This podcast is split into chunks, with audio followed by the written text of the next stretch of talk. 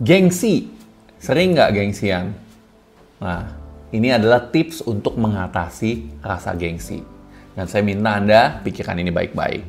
Tips pertama, ingat, makan gengsi itu adalah makanan yang paling mahal di dunia. Saya sering melihat orang miskin karena gengsian. Lihat sekeliling Anda. Ada tidak orang yang karena gengsi terlibat hutang? Hutang pinjol, hutang kredit card, bahkan hutang sama temen-temen. Karena gengsi.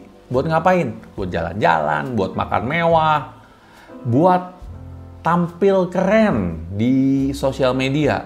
Bahkan beberapa orang karena gengsi sampai jual diri. Dan rela untuk mengorbankan segala-galanya.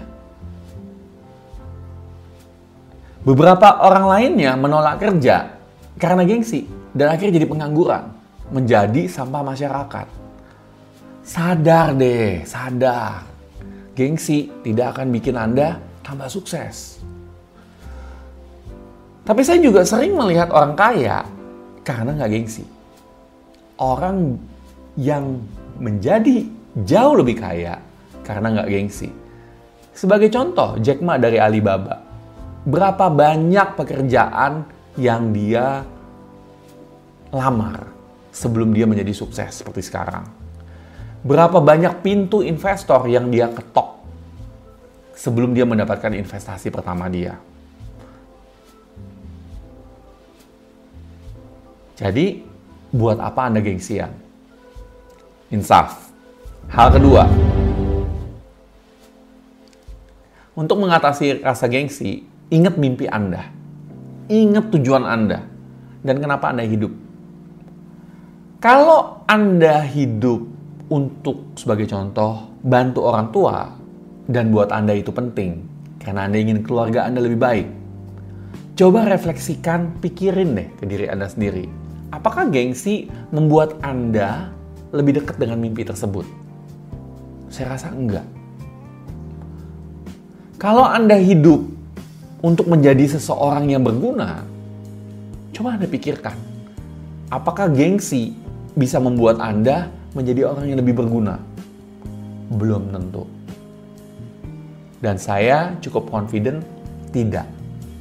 Karena gengsi dalam kenyataannya lebih sering menjauhkan Anda dari mimpi daripada mendekatkan Anda ke mimpi dan tujuan Anda. Hal ketiga, sering-sering refleksi diri. Cari role model yang gak gengsian. Banyak kok di luar sana.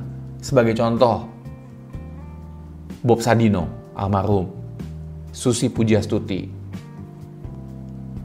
Warren Buffett. Dan saya rasa di sekeliling Anda juga ada. Coba deh gaul, pelajarin apa sih pemikiran-pemikiran mereka dan filosofi-filosofi hidup mereka. Kenapa sih mereka bisa hidup dengan sederhana tetapi tetap dihormati?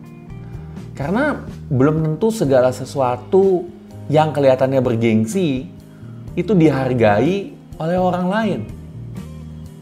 Belum tentu segala sesuatu yang kelihatannya mewah itu adalah sesuatu yang penting buat orang lain. Dan terutama apa dampaknya ke diri Anda. Dan dari pengalaman saya, ketika Anda bertemu dengan entrepreneur atau pembisnis yang benar dan baik, mereka itu biasanya sangat rendah hati. Sangat rendah hati. Nggak ada gengsi-gengsinya. Sangat rendah hati. Bahkan dengan satpamnya, dengan pembantu rumah tangganya. Yang biasa gengsian bukan pembisnis yang sukses, tapi yang bi biasanya gengsian adalah anak-anaknya. Atau bisa juga pegawainya atau karyawannya lebih mau gengsi dibandingkan pembisnis itu sendiri. So, gaul dan buka mata Anda. Hal keempat.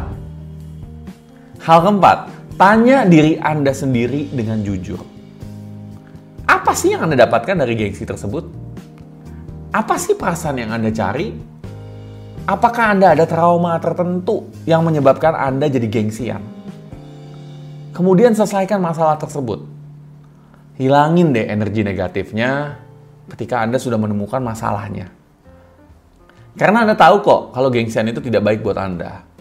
Buktinya apa? Buktinya Anda nonton video ini sampai habis.